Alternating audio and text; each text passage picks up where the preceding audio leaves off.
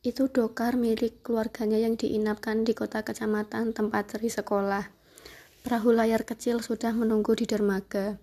Pengemudinya berdiri menyambut hendak membantu, tapi tanpa perlu dipegangi, lincah Sri telah meloncat. Langsung ke rumah, Pak. Nugroho memberitahu beranjak duduk di sebelah anaknya. Pengemudi perahu mengangguk, segera meraih galah panjang, mendorong perahu lepas dari pasir pantai. Tidak mudah bagi Sri untuk sekolah, dia harus melakukan perjalanan ini setiap hari. Jika angin tidak bertiup, perahu harus digerakkan dengan galah yang butuh waktu lebih lama lagi. Jika hujan turun, dia harus membawa payung besar. Siang ini cerah, langit biru tanpa awan. Sri asik menatap permukaan laut dangkal yang bening. Dia bisa melihat ikan berenang. Sesekali tangannya terjulur menyentuh air. Ibumu akan segera melahirkan Sri. Nugroho memecah lengang.